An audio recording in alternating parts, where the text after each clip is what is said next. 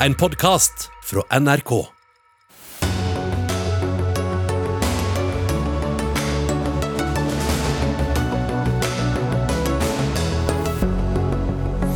En ny vaksine viser seg å være 90% effektiv mot korona.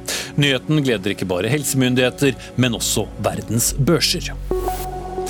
Ingen milliardhjelp til flyselskapet Norwegian fra regjeringen, men det baner vei for utenlandske aktører med helt andre verdier, frykter fagforening.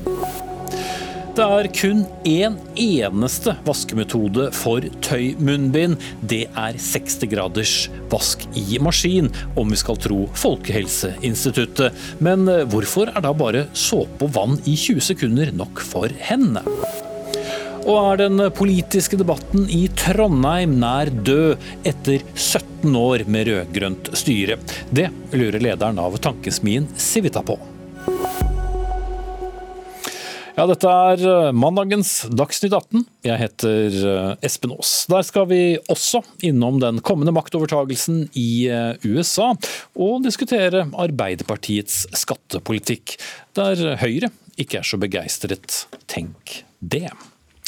Men vi starter altså sendingen med en skikkelig gladnyhet, får vi tro. En av koronavaksinene virker.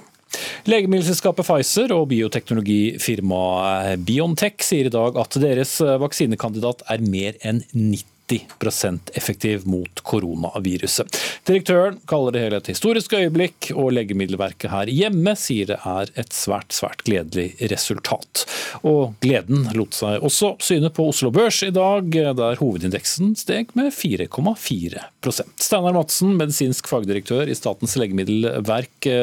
Dette er eh, noe som gjør deg lettet, men er det sånn, er det faren over nå? Nei, faren er ikke over, men vi er selvfølgelig veldig lettet over at den første studien som kom med si, ordentlige resultater fra store pasientundersøkelser, kom ut med et Tenk hvilken skuffelse det ville vært hvis dette hadde falt helt flatt.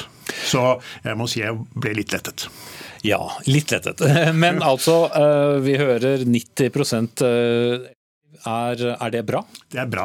Det er bra for vaksiner av denne typen. Det er bedre enn som oftest enn influensavaksinen f.eks. Så det var et oppløftende resultat. Men det er, en, det er, en, vei igjen å gå, for dette er korttidsresultater. Vi har ikke sett hvordan dette vil utvikle seg over tid.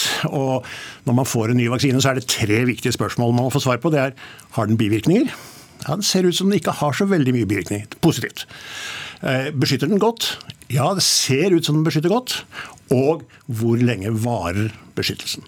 Det vet vi jo definitivt ikke, for det ser man kanskje først om seks måneder, ett år osv. Og, og så skal jo da de europeiske legemiddelmyndighetene fingranske disse dataene. Vi har ikke sett dem foreløpig. De skal fingranskes av legemiddelmyndighetene for å se om de holder vann. Mm. Da kortet du egentlig ned eh, spørsmållisten min ved å både stille og svare på spørsmål selv. Men det jeg tror veldig mange lurer på er eh, ok, men ut fra det du sier nå, når kan vi da eh, ha en vaksine på plass? Vi tenker oss på Legemiddelverket at en god, europeisk godkjenning kan være på plass i månedsskiftet januar-februar, men etter disse dataene har kommet, så holder vi alle muligheter åpne. Som i hva? At det kan komme tidligere. Men vi må se på dataene først og se om de er så gode som de ser ut til å være. Det kan være ting her som vi foreløpig ikke vet. F.eks. virker det bare hos unge, eller virker det bare hos gamle? Eller virker det hos alle, f.eks. Veldig viktig når vi skal planlegge vaksinering. Så hele vaksineforløpet, dersom det da vil starte på, på nyåret, det, det kan uh bli både langt øh, og Det kan bli lengre, og det kan bli kortere. Ja. Men vi har de europeiske fagfolkene på plass som kan begynne å arbeide med den vaksinen. De har allerede arbeidet med den en god stund, så vi har alle fagfolkene på plass som kan se på disse dataene med en gang vi får dem. Og dette med varighet, som du er inne på, som er litt åpent spørsmål, blir vi kanskje litt bekymret for også, Line Wold, avdelingsdirektør i Folkehelseinstituttet, når vi hører om dette minkutbruddet i, øh, i Danmark og et mutert øh, virus. Kan det bety at en eh, vaksine kanskje ikke er så effektiv? Det er jo det man undersøker videre nå. Altså Bekymringen knytta til minkvarianten går jo på akkurat dette. Eh, vi har observert at det er eh, endringer i eh, viruset som har vært i mink, og på det stedet hvor viruset binder seg til celler hos mennesker. Og Det kan potensielt ha betydning for vaksineeffekt. og Det er derfor man er bekymret og gjør disse drastiske stegene i Danmark med å, å slakte ned bestanden av mink. Og man har også gjort tiltak i befolkningen i de områdene hvor dette minkviruset er observert. Mm. Der var jo britene raskt ute med å bare stenge grensen til, til Danmark. Vi gjør ikke det. Er det potensiell risiko? Nei, Dette har vi jo vurdert, og per nå så er vår vurdering at de tiltakene som er gjort i Danmark er eh, gode og eh, tilstrekkelige til eh, å forhindre til å være risikoreduserende i forhold til videre smitte. Og så, og så er det jo sånn at det kan hende at det allerede er smittet ut av dette området. For det ble jo ikke Det har vært der litt tidligere også, dette viruset. Så det er om å gjøre nå å følge med på de virusene vi har fra Danmark her hjemme og i andre land, og gjøre helgenomsekvensering og se på disse, og følge med på hvilke varianter vi har her i Norge Norge også. Så dette følger vi nå nøye fremover. Mm. Et uh, veldig langt ord inne der, men jeg tror folk uh, fikk meningen likevel. Men tilbake til dagens uh, pressekonferanse. Så sammenlignet helseminister Bent Høiås med Belgia, som i dag er et av de verst rammede landene i Europa. 600 personer legges inn på sykehus, 160 dør hver eneste dag. Og vi er der Belgia var for sju uker siden, sa Bent Høie. Hva gjorde da folk, eller belgierne for sju uker siden, og gjør vi noe annerledes? Så vi har jo nå en rekke strenge tiltak på plass, og Belgia har hatt enda strengere tiltak. De eh, har jo nå eh, lockdown, altså de har eh, portforbud om natten i flere regioner. og De har maks antall besøkende er én i hjemmene, og de har lov å møte fire stykker utendørs, og de har stengt ned veldig mye av fritidsaktiviteter og kulturtilbud. Så de har hatt veldig strenge tiltak. Men de har jo også hatt eh, en eksplosjonsartet utvikling med veldig høye smittetall, og helsevesenet der er eh, helt i grenseland for hva det tåler. Mm. Men hvis vi er der hvor eh, Belgia var for sju uker siden og vi har mildere tiltak, burde vi da bli nervøse? Nei, Vi har nå strenge tiltak på plass, og vi følger jo situasjonen nøye. Men vi er jo bekymret. Det er derfor de strenge tiltakene her i Norge også nå har kommet. Og eh, vi følger nøye med nå for å se om eh, effekten av disse tiltakene er god nok. Så mm. håper vi at vi nå kan begynne etter hvert om et par uker hvert fall å se at det er eh, flater ut og kan begynne å gå nedover igjen. Mm. Da sier jeg strekk. Takk skal du ha, Line Wold, avdelingsdirektør i Folkehelseinstituttet, og takk til Steinar Madsen, medisinsk fagdirektør i Statens legemiddelverk.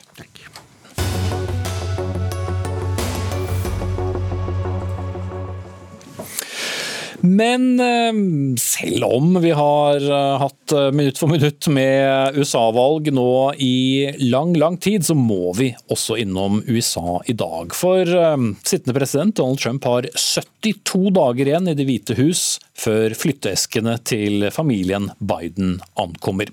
Men vil Donald Trump gi seg mens leken er god? eller vil han kjempe til siste slutt? Det er mange spørsmål, og ikke fullt så mange svar foreløpig, mens Joe Biden legger planene sine for presidentvirket, som starter den 20. januar. Og Veronica Westrin, eh, USA-korrespondent med oss fra Washington. I går, eh, eller ettermiddag, unnskyld, kom eh, nyheten om at Donald Trump planlegger å reise rundt for å arrangere protestmøter. Hva ligger i dette? Ja, Han har jo ingen eh, mål om å gi seg. Han mener jo at eh, dette valget ikke har foregått på en rettmessig måte og eh, vil fortsette med disse søksmåla. Så han kommer til å reise rundt og holde rallyer som han gjorde i valgkampen den neste måneden og bestride valgresultatet. Men alle offisielle kilder sier jo at her har det ikke foregått fusk. Dette er det reelle valgresultatet. Og det sies jo nå også at innad i Trump-administrasjonen så er det jo nå folk som forsøker å overbevise Trump om å eh, ringe til Joe Biden og gratulere han. Så det skal være uenighet eh, internt i folka blant, eh, rundt Trump. Men er det noen signaler som har kommet på at Donald Trump har tenkt å gjøre som de sier? Nei, det er ikke det. Han var jo og spilte golf i går og, og fortsetter å bestride valgresultatet. Men hvor raskt kan påtroppende president Joe Biden og hans folk komme i gang med sitt arbeid? De er jo allerede i gang. Han har i dag utnevnt en gruppe på tolv personer som skal jobbe med deres første, første fokus, nummer én, og det er å få kontroll på pandemien. De har hatt møter i dag. Det er eh, et team bestående av vitenskapsfolk, av forskere, som nå framover vil jobbe intenst med å få til en rekke tiltak som skal få denne pandemien under kontroll når de eh, flytter inn i Det hvite huset her. I tillegg så er det jo fokus på en rekke andre saker, og noe av det viktigste er jo at han skal sette sammen et, eh, en regjering.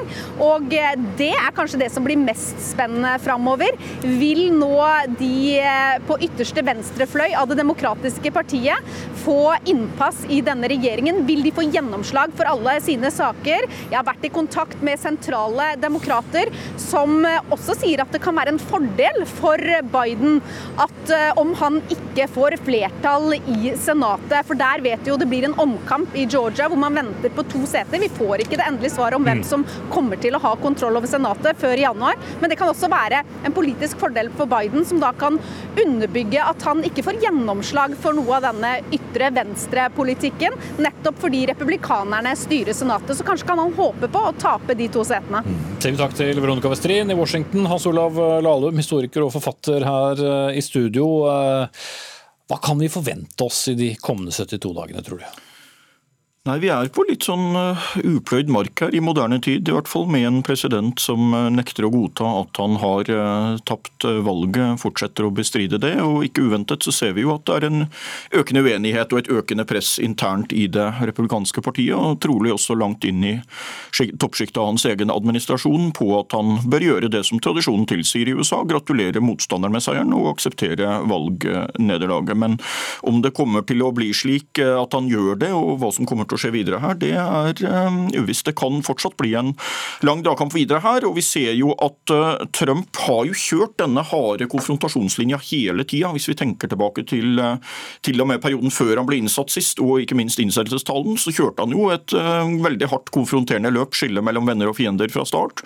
Og han har jo også sagt, for så vidt i god tid før valget, at det var ikke sikkert han ville akseptere resultatet hvis han tapte. Så vi får se om han kommer på bedre tanker, men det ser ut som det er en hard dragkamp valgkamp om den, eh, om, om den gratulasjonstelefonen der på republikansk side. Hilmar Langele Mjelde, du er seniorforsker ved Norwegian Research Center, eller Norse i, Bergen. Du har sagt at det er grunnlag for å, å stille Donald Trump for riksrett. Hvordan begrunner du det? Ja, Prinsipielt, for uh, som president så er han uh, eh, forplikta i henhold til grunn, uh, Grunnloven uh, til å ivareta Grunnloven og beskytte det amerikanske demokratiet. Men istedenfor så undergraver Trump det amerikanske eh, demokratiet. Og det har han drevet på med i lang tid. Eh, vi kan jo først ta for oss denne poststemmingen som han har motarbeidet hele veien. Han eh, foreslo til og med å flytte valget pga. poststemmingen. Han ville ikke forplikte seg til en fredelig maktoverføring.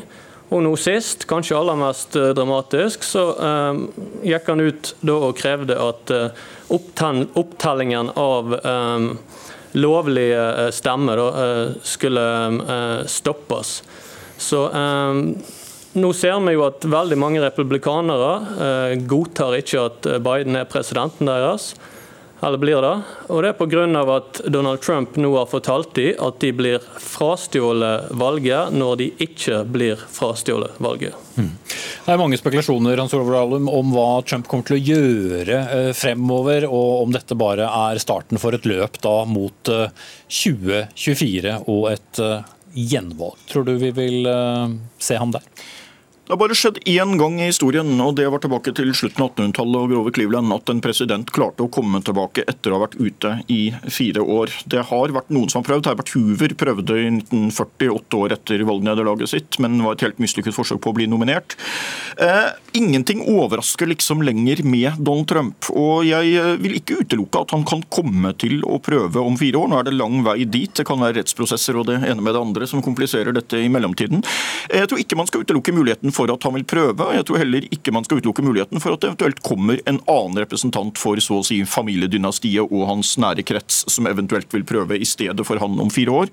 Men jeg tror at det er liten sjanse for at eh, vedkommende, eh, han eller en i familien, da vil lykkes med å vinne nominasjonen. Jeg tror at han er i ferd med å brenne bruer ganske kraftig bak seg med den måten han opptrer på nå, for dette vil jo selvfølgelig bli brukt mot han av republikanske motkandidater om eh, fire år, mm. hvis han skulle prøve.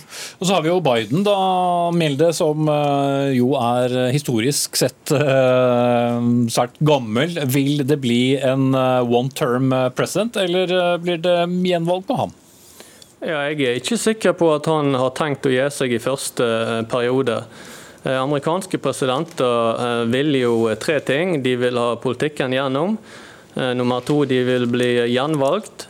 For nummer tre, å få et stort ettermæle. Så når vi kommer fram mot 2024, så vil det da være en stor ny stab rundt presidenten, som har egeninteresse av at han fortsetter.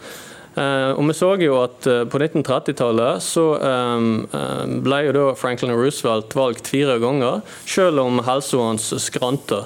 Så det sitter veldig langt inne for en president å gjøre seg. Mm. Hva tror du, Erlend? Uh, jeg tror ikke at han kommer til å komme med noen erklæring nå om han skal stille i 2024 eller ikke. Jeg tror han kommer til å skyve det foran seg, se an utviklinga. Men jeg tror at han i utgangspunktet regner med å bli en eh, president som sitter i fire år. Og jeg tror han ser på det som sin oppgave å så å si få skuta tilbake på kjøl, etter at han oppfatter at han liksom har holdt på å kullseile under Donald Trump, og at han vil være Det skal være hans rolle i historien å være en sånn viktig overgangsfigur som brakte tilbake. Det er ikke utelukket at han kan finne på å stille igjen, men jeg tror uansett vi kommer til å se et annet presidentskap fra start her. fordi veldig ofte når en ny president tiltrer, så er første prioritet hele tiden å tenke over hva må jeg gjøre for å bli gjenvalgt om fire år. Og så er det typisk i andre delen, hvis man har klart å bli gjenvalgt, at man skal begynne å sikre sin plass i historien. Jeg tror Biden kommer til å begynne å ville sikre sin plass i historien med en gang. Fordi jeg tror at han i hvert fall vil ha det som et veldig aktuelt scenario at han bare skal sitte fire år. Vi får se hvor enkelt det blir når vi vet mer om sammensetningen i Senatet. Takk skal du ha, Hans Olav Lahlum, historiker og forfatter, og takk til Hilmar Rangele Mjelde i Bergen, seniorforsker ved Norse.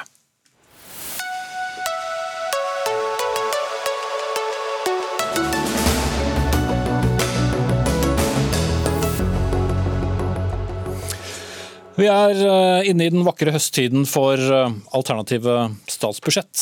Og Arbeiderpartiets eh, nye skattepakke lover at de med høyest inntekter skal skatte mer, mens de med alminnelige eller lave inntekter skal skatte mindre, som vi bl.a. hørte i Politisk kvarter i morges. Og Formuesskatten skal også økes for de med høyest formue. Og Hadia Tajik, finanspolitisk salgsperson og nestleder i Arbeiderpartiet, dere lover faktisk mindre skatt til åtte av ti nordmenn. Hvem skal betale for det? Yeah. Altså det er helt riktig det at Vi legger opp til et mer omfordelende skattesystem. og Det er to hensyn vi har tatt. Det ene er nettopp hensynet til fordeling, i en tid der vi ser at de økonomiske forskjellene har økt og økt. og økt. Dels òg pga. den politikken som høyreregjeringa har ført. Andre, det andre hensynet vi har lagt vekt på, er eh, forutsigbarhet. Altså for folk og for bedrifter. Fordi det er tross alt en ganske krevende tid med koronapandemien, som skaper økonomisk usikkerhet, ikke bare nå, men kommer til å ha ringvirkninger i mange år fremover. Mm. Men så spørsmålet hvem som skal betale for at så mange skal få mindre skatt? Altså det er klart at De med de høyeste inntektene og de største formuene kommer til å betale mer i skatt med Arbeiderpartiet. Den forutsigbarheten som vi sikrer, det er for eh, folk med vanlige inntekter og lave inntekter. Og så sikrer vi også forutsigbarhet for bedriftene, fordi vi sier at selskapsskatten skal ligge på dagens nivå, altså 22 mm. Skatt er alltid komplisert, Heidi Nordby Lunde, men du mener at Arbeiderpartiet polariserer denne skattedebatten nå. Hvordan da? Ja, altså Vi hørte jo første eh, reaksjon på eh, statsbudsjettet fra regjeringen om at det var en unorsk skatteskandale. Samtidig som vi i dag ser at når Arbeiderpartiet kommer med sitt eget alternative budsjett, så beholder de jo 20, 23 milliarder av de eh, 30 milliardene vi har gitt i skattelette. Men det er jo sånn at de med de høyeste inntektene og største formuene betaler mest skatt i Norge. Og blant annet så betaler de 10% rikeste i Norge nå noe mer skatt med Høyre i regjering enn da Arbeiderpartiet selv satt i regjering regjering. Men uh, det høres veldig tilforlatelig ut når, uh, når, Tajik sier at de skal gi skattelette til arbeidsfolk på den ene siden. Men poenget er at de, det hjelper jo ikke det når Arbeiderpartiet skal finansiere dette gjennom skatteøkninger som truer jobbene deres. Så Arbeiderpartiet øker jo skatten med kirurgisk presisjon mot uh, de norskeide arbeidsplassene som vi mener skal bidra til å skape mer og inkludere flere. Mm. Så er egentlig mest fornøyd med at ikke de endrer mer, men den lille biten da, ut fra det du sier, som de endrer, er, er feil? Altså, jeg frykter jo at man ved å gjøre det dyrere å skape arbeidsplasser i Norge, kan bidra til å forlenge den dype krisen som vi allerede er inne i. Mm. Men eh, det gjetter jeg allerede at du er uenig i? Ja, det er ingen grunn til bekymring.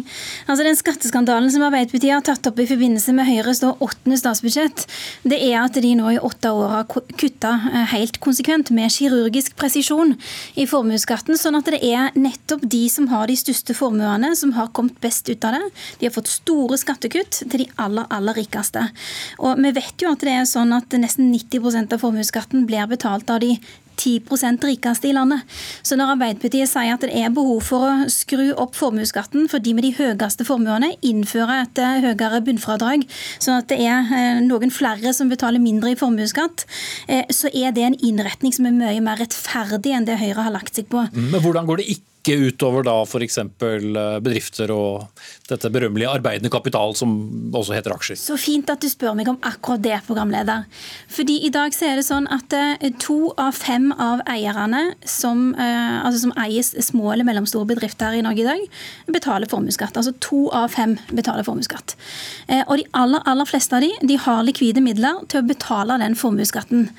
Eh, og så har man òg en ordning med utsatt betaling for de som ønsker det, som, som, er en krevende situasjon. Og det viser seg at den er nesten ikke brukt. I så det er 20, ikke noe problem? I 2016 så var det altså tre personer som brukte den ordningen. I 2017 så var det ingen som ba om utsettelse knytta til formuesskatten. Så det er en konstruert problemstilling. Og om noe så har Arbeiderpartiet gjentatte ganger de siste åtte åra etterspurt dokumentasjon på at kutt i formuesskatten skaper arbeidsplasser. Det har Høyre ikke klart å framvise en eneste gang. Så det er ikke noe argument lenger, Lunde? Eh, det mener jeg at det er, og jeg syns det er synd at Arbeiderpartiet istedenfor å etterspørre dokumentasjon fra Høyre, ikke drar ut og besøker disse arbeidsplassene. Fordi når vi er rundt i landet og reiser til familieeide bedrifter langs hele kysten, enten det er Vestlandet, Møre og Romsdal, så er det første punktet de tar opp, er formuesskatten, som de mener er når de må uthule bedriftens kapital ved å ta ut pengene som de har i bedriften for å gjøre den mer økonomisk robust mot dårlige tider. Så, spis, så, spi, så, eh, spiser de jo av, av, egentlig det vi kaller såkornet sitt, det som kunne bidra til å beholde disse arbeidsplassene over, eh, over tid. Så, um, Men de søker likevel ikke om utsettelse, som Tajik sier? Vi har jo vært i, i, oppgangstider de siste årene. og Jeg, jeg syns nesten det er litt trist å sitte her i dag eh, og fortelle at i februar så var faktisk det største problemet mot økonomisk vekst i Norge mangelen på kompetent arbeidskraft. Og Da vi reiste rundt til bedriftene da, så sa de at det var det største problemet, for vi hadde historisk lav ledighet. Så ser vi da hvordan koronasituasjonen har snudd dette på hodet for eh, norske arbeidsplasser. Og det de ikke er tjent med da, er å få en ekstraregning på 7 milliarder fra Arbeiderpartiet, som gjør det dyrere dyrere å ansette folk. Men da bare får vi ta til etterretning at Høyre ikke vil bygge sin politikk knytta til formuesskatt på fakta. De vil bygge det på anekdoter, som vi da får høre om at de reiser rundt og treffer folk. Ikke de tallene eller det faktagrunnlaget som vi har på bordet, men altså på anekdoter. Og jeg er litt sånn nysgjerrig jeg, på om altså, når, det, når, det, gjelder annen politikk som dere legger fram, går dere fram på samme måten da? Altså, og da lurer jeg på, Når dere reiser rundt og treffer folk, enten det er i Rogaland eller Møre og Romsdal, hvor mange er det som sier nå syns vi at Høyre burde øke maksprisen i barnehagene med nesten 3000 kroner? For det har dere jo òg gjort. Altså, Realiteten er at Høyre har ført en ideologisk kamp mot formuesskatten. De har kutta og kutta og kutta i en eh, skatt, som er en av de mest treffsikre og omfordelende som vi har. Og Det er òg noe av grunnen til at Arbeiderpartiet mener at det er på tide å ta tak i den og sørge for at de rikeste i landet bidrar mer til fellesskapet. Da har vi òg mer velferd å dele. Mm. Slutt, eh, Lunde, Klassekampen skriver i dag at tall for SSB viser at de rikeste vinner på skattekuttene deres. De 1000 rikeste har fått 1,5 millioner eh, kroner i snitt i skattelette, mens resten har fått 5800 kroner. Vel, nå, det, nå, er det slik at eh, helt vanlige barnefamilier, pensjonister um, uh, og arbeidsfolk har jo fått over 14 000 kroner i, i, skatteletter med Høyre i regjering de siste syv årene. Og Hadia Tajik satt jo selv i Politisk kvarter i dag morges og fortalte at, og måtte innrømme at de som betaler mest i skatt fra før, vil jo selvfølgelig også få de største lettelsene når man gjør endringene i skattesystemet. Dette her er uh, matematikk fra femte klasse. Og det er Fordi det er prosenter, da, hvis noen lurer på hvorfor det. Ja. Tajik? Men man må sette en grense et sted. Og det er det Arbeiderpartiet gjør. Vi sørger for at de som har de høyeste inntektene og de største formuene, at de betaler mer i skatt. Og det vil òg bidra til mer omfordeling. Og nå hører vi stadig vekk om denne vanlige familien som får tusenvis i skattekutt fra Høyre. Vi har gått inn i de tallene der. Og det viser seg at eh, hvis man er en vanlig familie da, og pendler tur og tur fra Nærbø til Stavanger hver dag, så forsvinner nesten 10 000 kroner av det skattekuttet som Heidi Nordby Lunde her nå sitter og snakker om. Fordi det de i realiteten har gjort, er at de har økt skatten på pendling.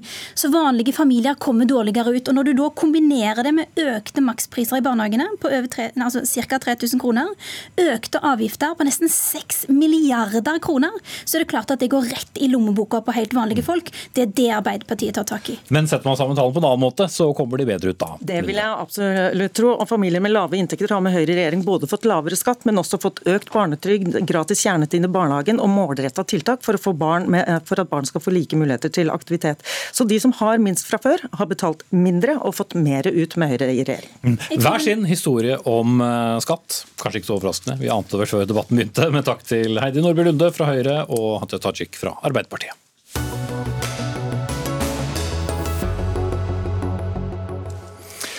Vi eh, skal jo ha på oss munnbind når vi ikke kan holde god nok eh, avstand. Og har du engangsmunnbind, så må du skifte til nytt hver gang du skal bruke det. Men har du tøymunnbind, så kan du jo bare vaske det og bruke det om igjen og om igjen. Men eh, hvordan skal du vaske det slik at det er eh, helt rent? Så Det har det vært en eh, ganske lang debatt om i Aftenpostens spalter den siste tiden.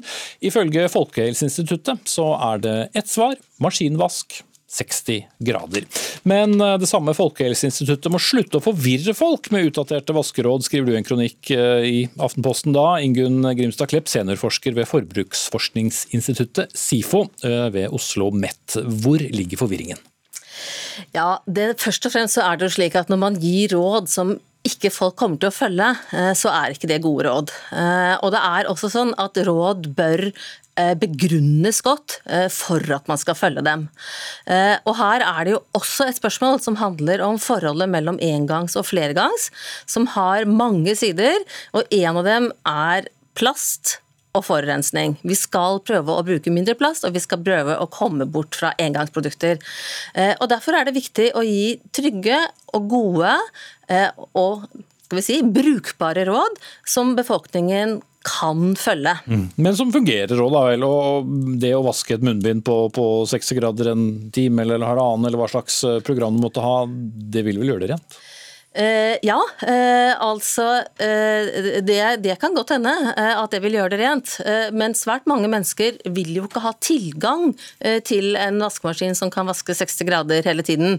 Uh, F.eks. kan de være på hytta, de kan være studenter, det kan være mange grunner. Og en del munnbind kan ikke vaskes på 60 grader. F.eks. hvis de er laget av ull. Mm. Men har du andre alternativer da, som du mener virker? Jeg mener at det er Folkehelseinstituttets eh, ansvar eh, å gi gode råd. Eh, hvis vi ser på Verdens helseorganisasjon, så har de tre forslag til hvordan bindene kan vaskes. Og det jeg kan observere, da, det er jo at det er mange ideer om hvordan man kan rengjøre munnbind. Det er koking, det er karantene på dem, Eh, det er bruk av andre måter å få opp eh, temperatur, og det i forhold til Verdens helseorganisasjon så er det jo også bruk av klor. Så det er flere alternative eh, måter som de kan vaskes på. Mm. Men du må få inn Folkehelseinstituttet her, du har argumentert deg godt der. Men Hanne Merete Eriksen Volde, du er konstituert avdelingsleder da i FHI. Hvorfor er det bare maskinvask på 60 grader dere anbefaler? Altså når vi anbefaler munnbind, så er det tre ting vi er opptatt av. Det ene er at munnbind ikke erstatter eh, avstandskrav eh, på én meter, og det at man skal holde seg hjemme når man er syk. Jo, det, det vet vi, men hvis vi går rett på vaskingen jeg, jeg, gjentar det likevel. Og Videre så er det det at man bruker det korrekt. Så jeg anbefaler alle å gå inn på våre sider og få råd om hvordan man bruker det korrekt. Og Det tredje er at munnbindene skal ha kjent standard, at de skal ha en effekt. For, og Da er det jo disse engangsmunnbindene som da godkjennes i henhold til mm. gitte standarder. Og, men, så, men har du tøymunnbind, ja. og så kommer jeg til tøymunnbindene. Uh, og For tøymunnbindene så finnes det jo ikke godkjente standarder, men det finnes en ekspertgruppe, en europeisk ekspertgruppe som har definert standarder for hvordan man skal utarbeide munnbind, og hvordan man skal vaske munnbind. Og Det er det vi forholder oss til. og I den så er det 60 grader maskinsvask som anbefales. Mm. Og så kan det være være at det er andre måter å rengjøre et munnbind som virker på, men vi vil ikke anbefale noe vi ikke kan og vet effekten av, for vi må forholde oss til at dette skal være en effekt når vi bruker og anbefaler tøymunnbind, og at det ikke skal gi falsk trygghet. Mm. Men det er jo ikke særlig effektivt, da. Uh, hvis jeg bruker mitt tøymunnbind og går i butikken, og så vet jeg at jeg må ta toget, eller et annet sted hvor det er mye folk uh, etterpå, da kan jeg jo ikke vaske det ene munnbindet i en time og halvannen på, på 60 uh, grader. Det er jo veldig lite effektivt. Kan ikke kokende vann, dampstrykejern, andre ting fungerer? Eh, ifølge disse standardene så ødelegger man filtreringsevnen ved å bruke mange av disse alternative måtene. Og det er jo filtreringsevnen som gir beskyttelse ved disse munnbindene. Og, eh, og, vi vet jo at mange av disse tingene kan ha effekt. Vi vet også at det å bruke et sikkerhetsbelte som ikke er CE-merket, kan ha en effekt. Men vi vil jo ikke anbefale det hvis ikke vi vet med sikkerhet at det har effekt. Altså, og Derfor så forholder vi oss til disse standardene. Og så håper vi å følge med på forskning, sånn at vi håper vi kan få mer data om hvordan man trygt kan rengjøre munnbind. Men som sagt, det viktigste er å holde avstand. Ja, så på den måten, det, det, det, det, det hører vi hver dag. Klepp. Ja, her, her, var det veldig mange ting som jeg mener er tullete. Da. Altså, eh, eh, For det første så burde man jo ha jobbet med å få en bedre veiledning til hvordan eh, tøymunnbind skal være for å være trygge. Så det er det første. Det andre andre, dette med filtreringsevnen. Altså Det eneste jeg har sett av forskning på feltet, viser jo at filtreringsevnen går opp. Eh, og det er jo det naturlige, at hvis noe krymper, så blir det også tettere. altså går det, nei, ja, Men i hvert fall. Og, eh, og så, men aller viktigst, så har vi jo i utgangspunktet ikke noen noen kunnskap om filtreringsevnen på veldig mange av de tøymunnbindene. Og dermed så vil jo, om det da går opp eller ned fra en ukjent størrelse i utgangspunktet, vil jo altså ikke eh, bety noe. Det er en engelsk undersøkelse som viser at det er, en, det er 13% av folk som følger disse rådene om denne vasken i 60 grader. Og det er tross alt en ganske uvanlig i norske befolkninger å sende 60 graders vasker uavladelig, uavlatelig, og av god grunn. Sånn at eh, det å gi andre Eh, eh, råd som er eh, trygge, haster, fordi at det som man gjør når man bare på én måte favoriserer engangsproduktene, det er jo å øke avfallsmengden.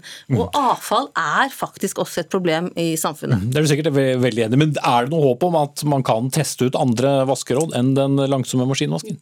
Eh, altså, vi vet jo at det forskes mye på dette med tøymunnbind også, så vi håper jo at man skal få mer informasjon.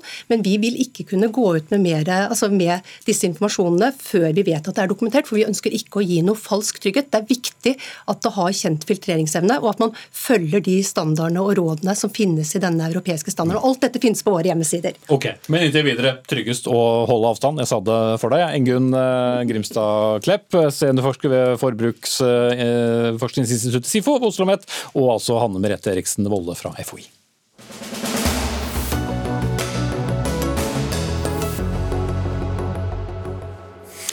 Så skal vi til vår hjemlige flybransje. For eh, akkurat nå kommer det den ene hastemeldingen etter den andre fra Norwegian. 1600 ansatte får nå varsel om eh, permittering, og Norwegian stanser også nå automatisk refusjon av flybilletter.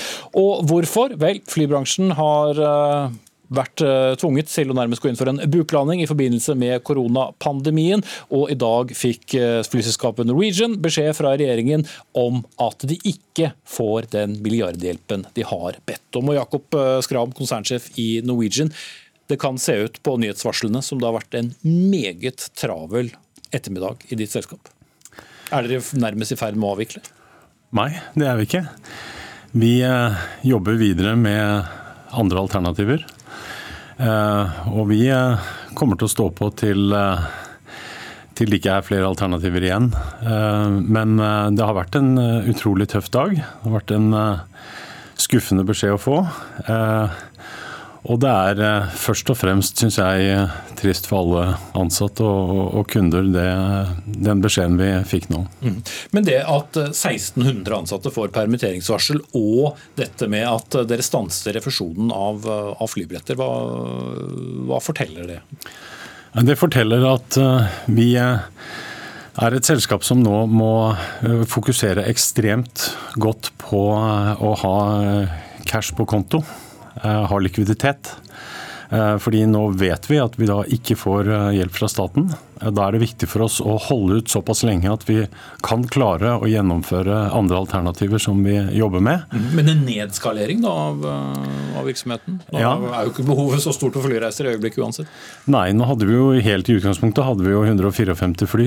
Så akkurat nå så fløy vi 21 fly. Men nå går vi altså ned fra i morgen ned til seks fly. Eh, og permitterer da ytterligere 1600. I utgangspunktet er vi nesten 10 000 mennesker i Norwegian, så det er 500 tilbake på jobb ca. kommer det til å være nå. Mm. Og alle som husker den nære historien vet jo at eh, Norwegian har jo vært eh, gjennom noen ganske tøffe tak allerede. Er det egentlig hovedproblemet? All refinansiering og all omgjøring av, gjeld og de rundene dere hadde med, med kreditorene egentlig før pandemien kom? Det er klart at uh, I flybransjen så skjer det ofte mange ting. Altså Flybransjen er en bransje som blir rammet av fryktelig mye. Uh, og, og det er klart at Da er det tøft hvis du har mye gjeld. Uh, og Man hadde en tøff situasjon før koronasituasjonen. men nå er det viktig å si når vi sto i februar og meldte resultatene, så så vi for første gang at 2020 ville bli et år som var positivt. Og vi hadde altså den beste bookingen foran oss om sommeren. Så kommer da koronaen, og alt blir snudd på huet. Eh, og det er klart at eh, Da er det fryktelig tøft. Da trenger vi hjelp. Og, vi fikk eh, hjelp også av staten til et lån. Og Det er også viktig å si synes jeg, for alle som har fulgt dette, her, det er at de tre millionene vi fikk, det, det er et lån. Og med de, Hadde vi fått hva vi ba om nå videre, så hadde vi i planene våre å betale tilbake det lånet. og Det lå jo også i forretningsplanen som vi viste regjeringen. Mm. Men nå er det ikke sikkert at regjeringen får tilbake lånet? Det må tiden vise. Nå går vi inn i en uh, vanskelig situasjon, må finne andre alternativer. Uh, og så er det jo eh, selvfølgelig fokus da på at vi kan komme gjennom dette. fordi det som er fokuset nå, det er den vanskelige vinteren. Vi sa helt fra starten at hvis sommeren ble dårlig, så kom, måtte vi ha hjelp gjennom vinteren. Eh, det har vi da ikke fått. Eh, vi vet at vaksinen kommer. Vi hørte senest i dag positive nyheter på det. Eh, det betyr at bookingene sannsynligvis blir bedre i 2021. Det blir også et unormalt år. Men, men, kommer vi gjennom det og frem mot 2022, så tror jeg mye er gjort. Mm. Og det, kort til slutt, er, er ditt håp, men det er ikke gitt at det skjer? Nei, det er, eh, jeg, kan, jeg holder alle scenarioer åpne. Kan ikke garantere noe som helst til noen som helst, ikke meg sjøl heller. Eh, men det er helt klart masse håp og tro og en enorm fighting spirit i, eh, i Norwegian. Mm. Da skal næringsminister Iselin Nybø ta plass. Du ønsket ikke å møte henne i, i studio her, så da takker jeg deg av. Jakob Skram, konsernsjef i Norwegian. Og på veien er ikke bare næringsminister Iselin Nybø fra Venstre. Vi skal også få Unn Kristin Olsen, som er leder i fagforeningen Parat, der mange av arbeidstakerne i Norwegian er organisert, og også vår egen økonomikommentator Cecilie Langum Becker. Men eh, næringsminister Iselin Nybø får jo begynne med deg. Hvorfor var det ikke aktuelt å gi Norwegian hjelpen de ba om? Nei, Det har vært en helhetsvurdering eh, der vi har sett på ulike ting. Norwegian har jo bedt om et betydelig milliardbeløp i støtte. Eh, vi har sett på den finansielle strukturen til Norwegian. Det er et selskap med over 40 milliarder kroner i gjeld. Eh, det er en risiko å gå inn med fellesskapets midler, og vi har vurdert det dit hen at det ikke vil være forsvarlig nå. Mm. Og de har også gjeld til dere, for dere har gitt et eh, stort milliardlån til dem tidligere. Nå kunne han ikke love at dere engang får de pengene tilbake? Det er riktig at vi har gått inn med, med en garantifasilitet til luftfarten. Og vi har jo gjennom hele denne pandemien brukt betydelige midler på, på luftfarten, over 13 milliarder kroner. Men vi har ikke gitt liksom, spesifikke støttetiltak til enkeltselskaper. Vi har valgt brede støttetiltak som har kommet alle flyselskapene eh, i landet, landet, til gode. Og Det skal vi òg fortsette med. og Vi har i dag sagt at vi skal kjøpe ruter for en milliard kroner, f.eks. Som òg Norwegian vil kunne, kunne, benytte seg av, gitt de er i en situasjon til det. da. Mm. Men går Norwegian under, så, ja, så var det sånn markedet ville det. Ja, det er, det er, klart det er en betydelig risiko når, når, staten sier nei. og det er, Jeg forstår at det er en veldig tøff beskjed å få. Eh, du kommer til staten, ber om et milliardbeløp og får nei. Eh, det er klart at det er tøft, men vi, jeg, har, eh, det er mitt ansvar å vurdere bruken av fellesskapets midler og alternativ bruk av de pengene. og Sånn som Norwegian er rigga nå, så mener ikke jeg det er forsvarlig å bruke skattepenger på det. For mye risiko, rett og slett. Unn Kristin Olsen, leder i, i Parat. hvor mange av arbeidstakerne i Norwegian er organisert. 1600 permitteringsvarsler fikk vi nyhet øh, om nå. Burde Nybø ha hørt på Norwegians bønder?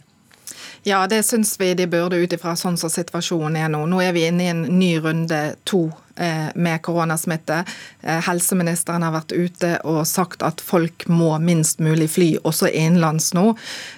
Så vi mener at de absolutt burde komme med likvide midler til alle de tre selskapene i norsk luftfart. Mm. Jeg skjønner at du først og fremst selvfølgelig er opptatt av, av arbeidsplassene, men bruke milliarder på milliarder av fellesskapets penger, som vi jo uh, allerede gjør, kanskje for å holde noe kunstig i livet. Er ikke det bare å utsette noe som uansett fort kan komme til å gjøre vondt for arbeidstakerne også?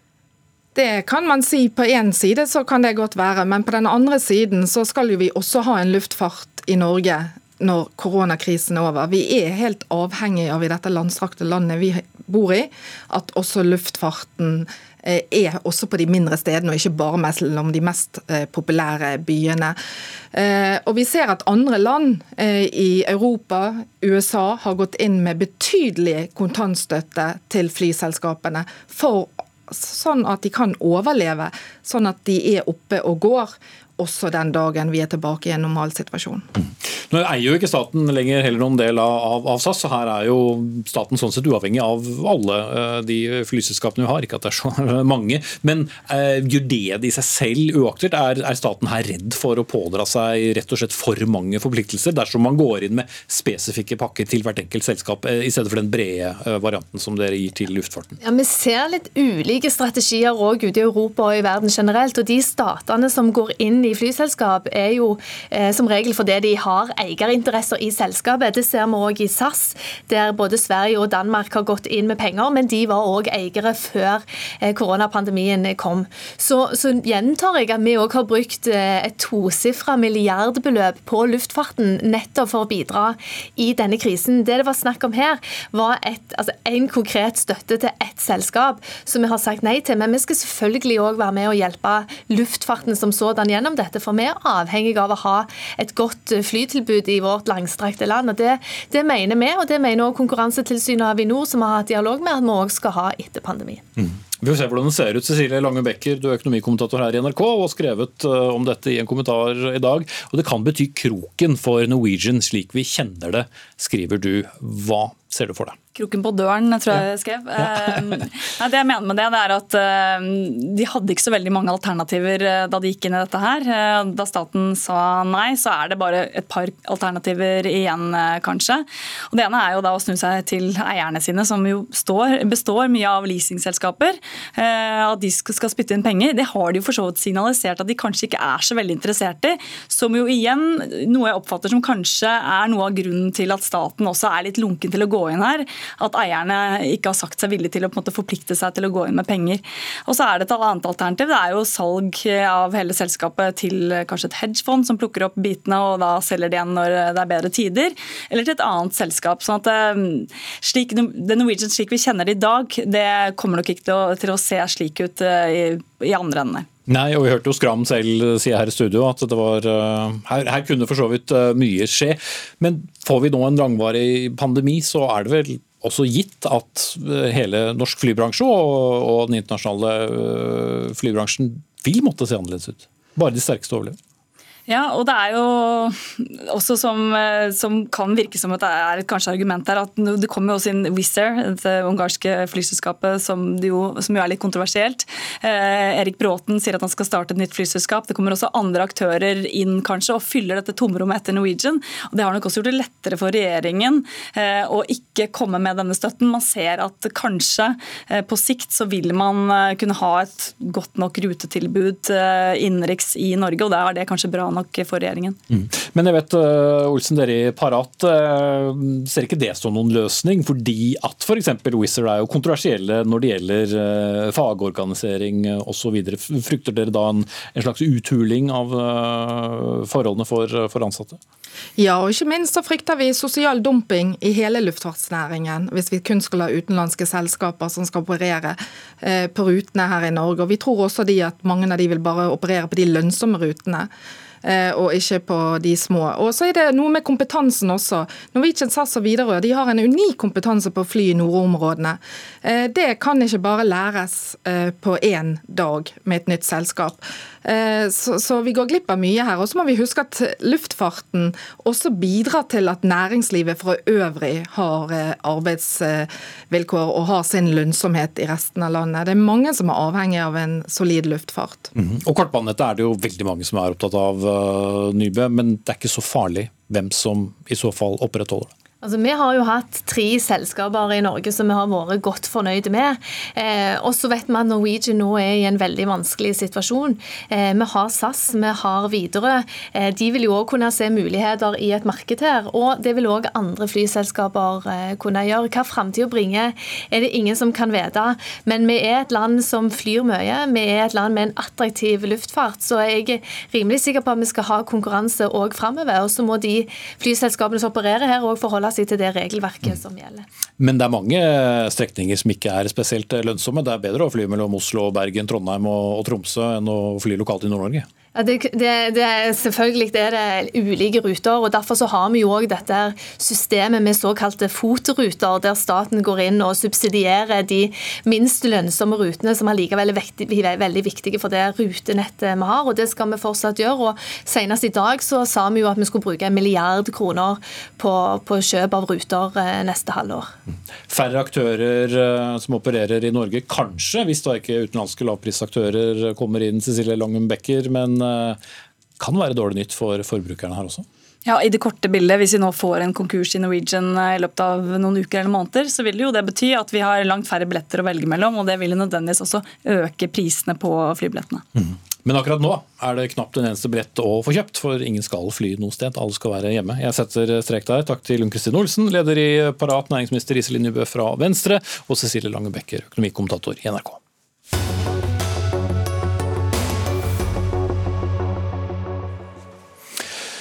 Er den politiske debatten i det rød-grønne Trondheim død? Spørsmålet ble stilt, om en noe retorisk og indirekte, i forrige uke av Kristin Clemet, leder av den liberale tankesmien Civita, som jo stadig ivrig for sentrum-høyre-politikk. Spørsmålet kom uansett etter at tankesmien forsøkte å arrangere møter og seminarer i Trondheim, men fikk langt mindre respons der enn andre steder. Kronikken som sto på trykk i trønderdebatt.no har fått mange slags svar, men Kristin Clemet, har du fått et svar som du føler du forsto? Ja, altså vel, Jeg føler vel at jeg egentlig har fått veldig mye støtte. og Grunnen til at jeg skrev det også, det var at jeg har tenkt på det en stund og snakket med en del i forskjellige partier, eh, ulike organisasjoner.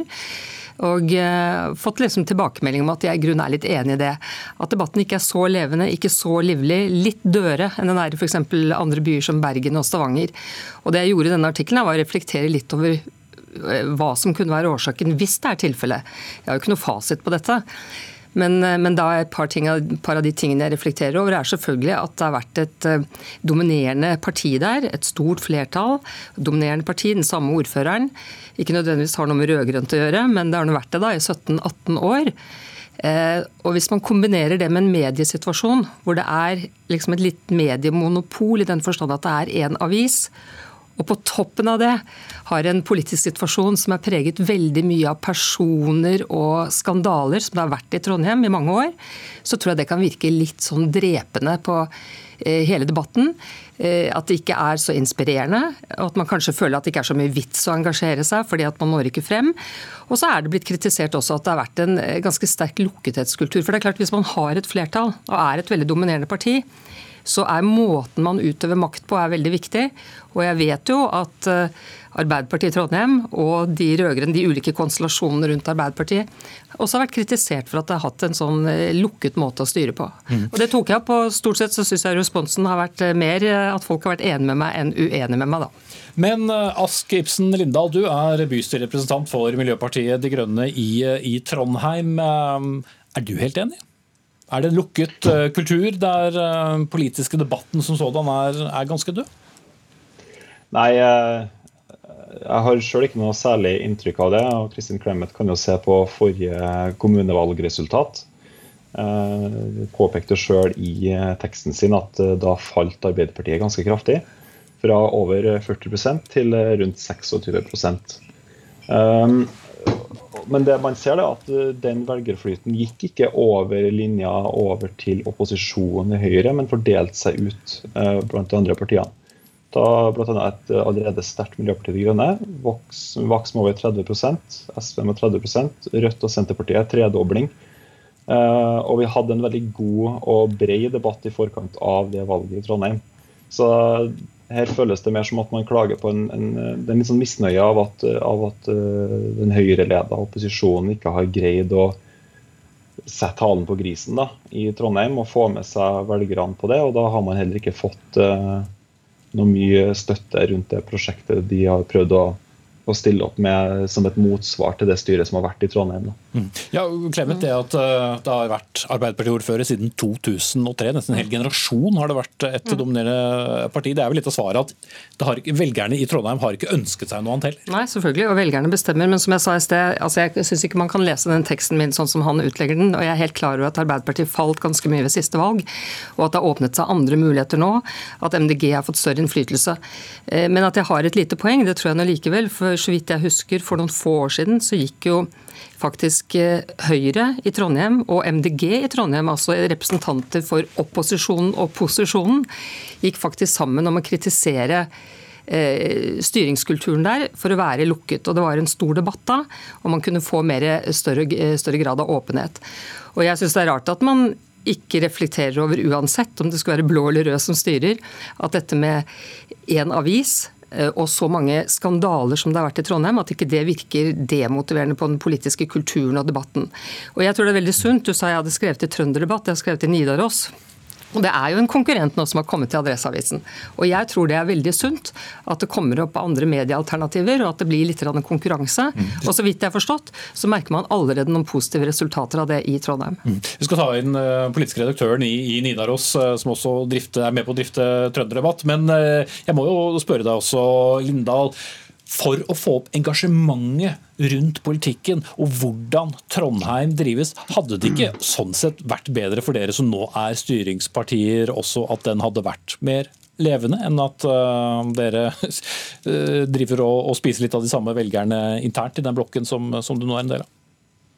Ja, det er ikke helt riktig det var god velgerflyt også fra andre sida eh, til de partiene som vokste til forrige valg.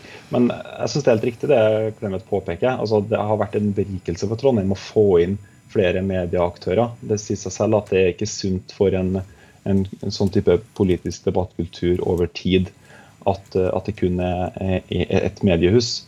Men jeg må samtidig påpeke det at eh, jeg mener at man kanskje jeg synes også det her bør være en enkel bestilling til høyresida og, og den høyre opposisjonen i Trondheim. Da, at de også bør komme litt mer på banen og være litt mer eh, konkret og god i, i kritikken når de kommer med den i Trondheim. For de har for å være ærlig framstått mest litt sånn sytete og klagete de siste årene, uten å egentlig komme med noen reelle uh, gode alternativ da, til den politikken som, som har blitt ført. Mm. Snorre Valen, eh, du har sittet og lyttet. Eh, vi kjenner, eller De fleste husker deg vel mest som stortingsrepresentant for SV, men nå er du også politisk redaktør i avisen Nidaros, som da ønskes velkommen av flere her, hører vi. Men du har fulgt da denne debatten som har gått på, på, på trønderdebatt.no, som er et nettsted der du også forsøker å, å, å røkte mest mulig politisk debatt. Men har Clemet rett? Er politisk debatten død? Ja, på mange måter syns jeg Ja, det syns jeg. Helt død er den ikke, men jeg tror Kristin Clemet har helt rett i sin observasjon. At det er litt, litt dødere i Trondheim litt stillere, og det går litt saktere. og Det tror jeg helt åpenbart har med det Clemet påpeker, at når en konstellasjon og ett parti styrer så lenge, eh, så blir det gjerne sånn. Men så tror jeg det er ett forhold til, eh, og det er at Trondheim er en veldig direktørstyrt by. I veldig mange tilfeller der man i andre byer ville sett politikere stå til ansvar eller uttale seg eller kommentere, så ser du i Trondheim direktørene. Er det en skandale på en skole, så ser du en direktør uttale seg. Er det nye smittevernregler, så er det kommunedirektøren som kommer på, på Midtnytt eh, og kunngjør de, ikke ordføreren. Og Over tid så tror jeg det sender et signal til både eh, folket i byen og sivilsamfunnet eh, om at her er det fagfolka og direktørene som styrer, og det gjør rommet for, for politikk mindre. Så tror jeg sånn? Ask Ibsen Lindahl har rett i jo, jeg tror, jeg må bare si da at jeg tror jo Ask Ibsen Lindahl fra MDG har rett i at opposisjonen også er svak. Eh, det er jo litt rart at etter så mange år med Arbeiderpartistyre, så har man ikke en tydelig opposisjon med en klar visjon for byen. Ehm, men jeg tror vel det blir komfortabelt etter hvert eh, for partiene som styrer. og lukke seg litt inne. Det trenger ikke være bevisst, eh, men jeg tror det oppleves sånn for veldig mange. og Det illustreres jo godt ved at det er eh, to støtteinnlegg vi har hatt på trykk for Kristin Klem sin kronikk. og Det kommer ikke fra høyresida, det kommer fra en, en, et SV-medlem som er innflytter til byen, og fra en Arbeiderpartipolitiker i Verdalen, mm. som ser Trondheim utafra. Og jeg tror de har rett i mye. Det var støtte fra uventet hold eh, mange steder, Clement? Nei, altså Jeg hadde jo snakket med folk fra ulike partier og organisasjoner på forhånd om dette her. og Dette er jo ikke noe å dømme det nord og ned, men jeg tror at man skal være litt oppmerksom når man har så mye makt så lenge. Så kan det også føre til at man får mindre debatt fordi noen blir redde for å snakke makta midt imot. Fordi man føler man må holde seg inne med de som har makta. Eh, når man skifter makt litt mer, når man er, mindre, er i mindretall, kanskje samarbeider over midtstreken, har en større grad av åpenhetskultur, så blir det ikke så farlig farlig å være uenig med de som har makten. Så det er noen faretegn når det blir såpass uh, sterkt som det er her. Men, men, det er klart, og, og dette med Adresseavisa, jeg, jeg, fikk noen til å kikke litt på hva de hadde dekket. Det er klart Når det er svære skandalesaker, som jo i all hovedsak har vært knyttet til Arbeiderpartiet, så er jo de dømt til å sette alle ressursene sine på det. Det må jo pressen dekke. Men dermed så faller annen vanlig politikk ut. Og jeg tror at uh, selv om Civita ikke holder på med trondheimspolitikk eller lokalpolitikk i Trondheim, så så kan den mangelen på engasjement, da, eller den følelsen at det er ikke noe vits i, du når ikke frem, den kan forplante seg over til annet engasjement. Eh, men opposisjonen har jeg også nevnt selvfølgelig i min artikkel. Alle kan bli bedre.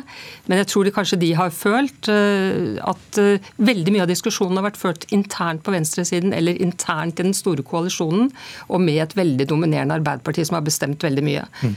Men, men desto rarere Snorre Valen, at det likevel er der. Da skulle man jo tro at både innbyggere og opposisjon, og alle dere som nå driver de forskjellige mediene i, i Trondheim, eh, skulle få mer enn nok å gjøre for å holde en politisk debatt i gang? Ja, og jeg tror ikke jeg sitter på noe fasit heller, altså, men, men eh, hvis man er ærlig, så tror jeg jo heller ikke Ask Ibsen Lindahl fra MDG eller noen fra Arbeiderpartiet eller SV er enig i at Trondheim til daglig bærer preg av å være den raskest voksende byen i Trondheim. Og Med det største universitetet og det største forskningsinstituttet og det beste fotballaget. Eh, det er litt stillere enn det skulle tilsi med tanke på alle de viktige diskusjonene og konfliktene som Trondheim jo faktisk rommer. Så, så min oppfordring til, til, politikerne på rådhuset vil jo være å ta litt mer plass. Plag journalistene i begge aviser litt mer. Skriv flere debattinnlegg. Eh, for når politikerne sjøl sier at nei, her er alt ved og vel, mens folk som ser det litt utafra sier at nei, her er det faktisk litt for lukka, så heller jeg mot å tro mest på, på sistnevnte. Mm. Jeg, jeg skal være litt varsom i råd til Snorre, for jeg ikke, jobber ikke i pressen. Men jeg tror lav terskel for å slippe til folk med innlegg, altså det kan være jo ganske viktig. For mm. når det er bare én avis, så er det jo begrenset med plass. Så det at dette er en nettavis, eh, at man kanskje kan snu seg litt raskt rundt osv., så sånn at det blir stimulerende å delta i politisk debatt og samfunnsdebatt, det tror jeg er veldig viktig viktig. Mm. Ønsker du deg litt mer motstand? Eh, kort, kort til slutt, Linda. Som var Unnskyld, ja. unnskyld jeg hørte ikke spørsmålet. Ønsker du deg mer motstand? Du får 15 eh, sekunder til slutt. Ja, jeg skulle ønske at vi hadde en mye mer eh, altså, konstruktiv, klar og tydelig opposisjon i Trondheim. Altså, jeg mener at vi er en sterk intern opposisjon, hvis man kan kalle det det. Det har vært det i, i, i de samarbeidene som har vært. men men altså, Høyre må kjenne den tida vi lever i og komme med, med gode nok svar. Mm. fordi det er jo helt tydelig. Ja, der, var, der var de berømmelige sekundene ute. Jeg vil takke dere tre, og takk også til dere som har hørt på. Ansvaret for sendingen, Anne Katrine Førli. Stein Nybakk tok seg av det tekniske. Jeg heter Espen Aas. Vi er tilbake inn i morgen.